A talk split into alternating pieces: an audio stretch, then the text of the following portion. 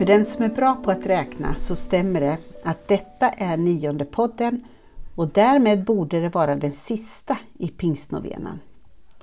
Jag har fuskat och kommer att fuska. Det är dagarna mellan Kristi himmelfärd och pingst som är nio dagar. Men vi kommer att be pingstnovenan i elva dagar.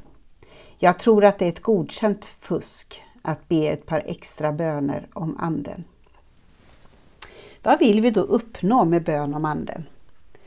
Det finns många föreställningar om vad som kan hända när anden faller eller vad andlighet är. Andlig och het. Och en del föreställningar är riktigt mystiska. Men ett sätt att förklara andlighet är att det handlar om människans strävan till något högre utanför den materiella världen.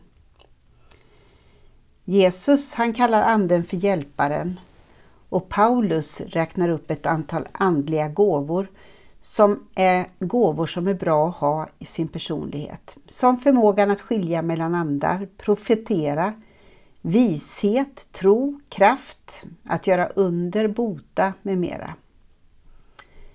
Paulus skriver också om Andens frukter som är kärlek, glädje, frid, tålamod, vänlighet, godhet, trofasthet, ödmjukhet och självbehärskning.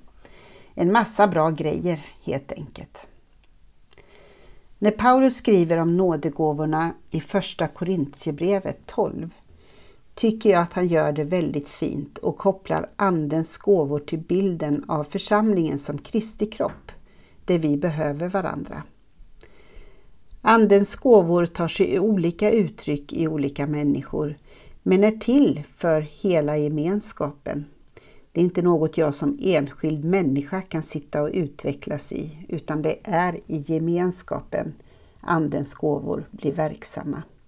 Det är gemensamt vi ska sträva i vår andlighet. Det allra sista han skriver i kapitlet pekar mot det kommande. Och då ska jag visa er en väg som är överlägsen alla andra, skriver han. Och därefter kommer första Korintierbrevet 13 som vi också kallar för kärlekens lov. Viktigt att komma ihåg hur de andliga nådegåvorna hör samman med kärlekens väg.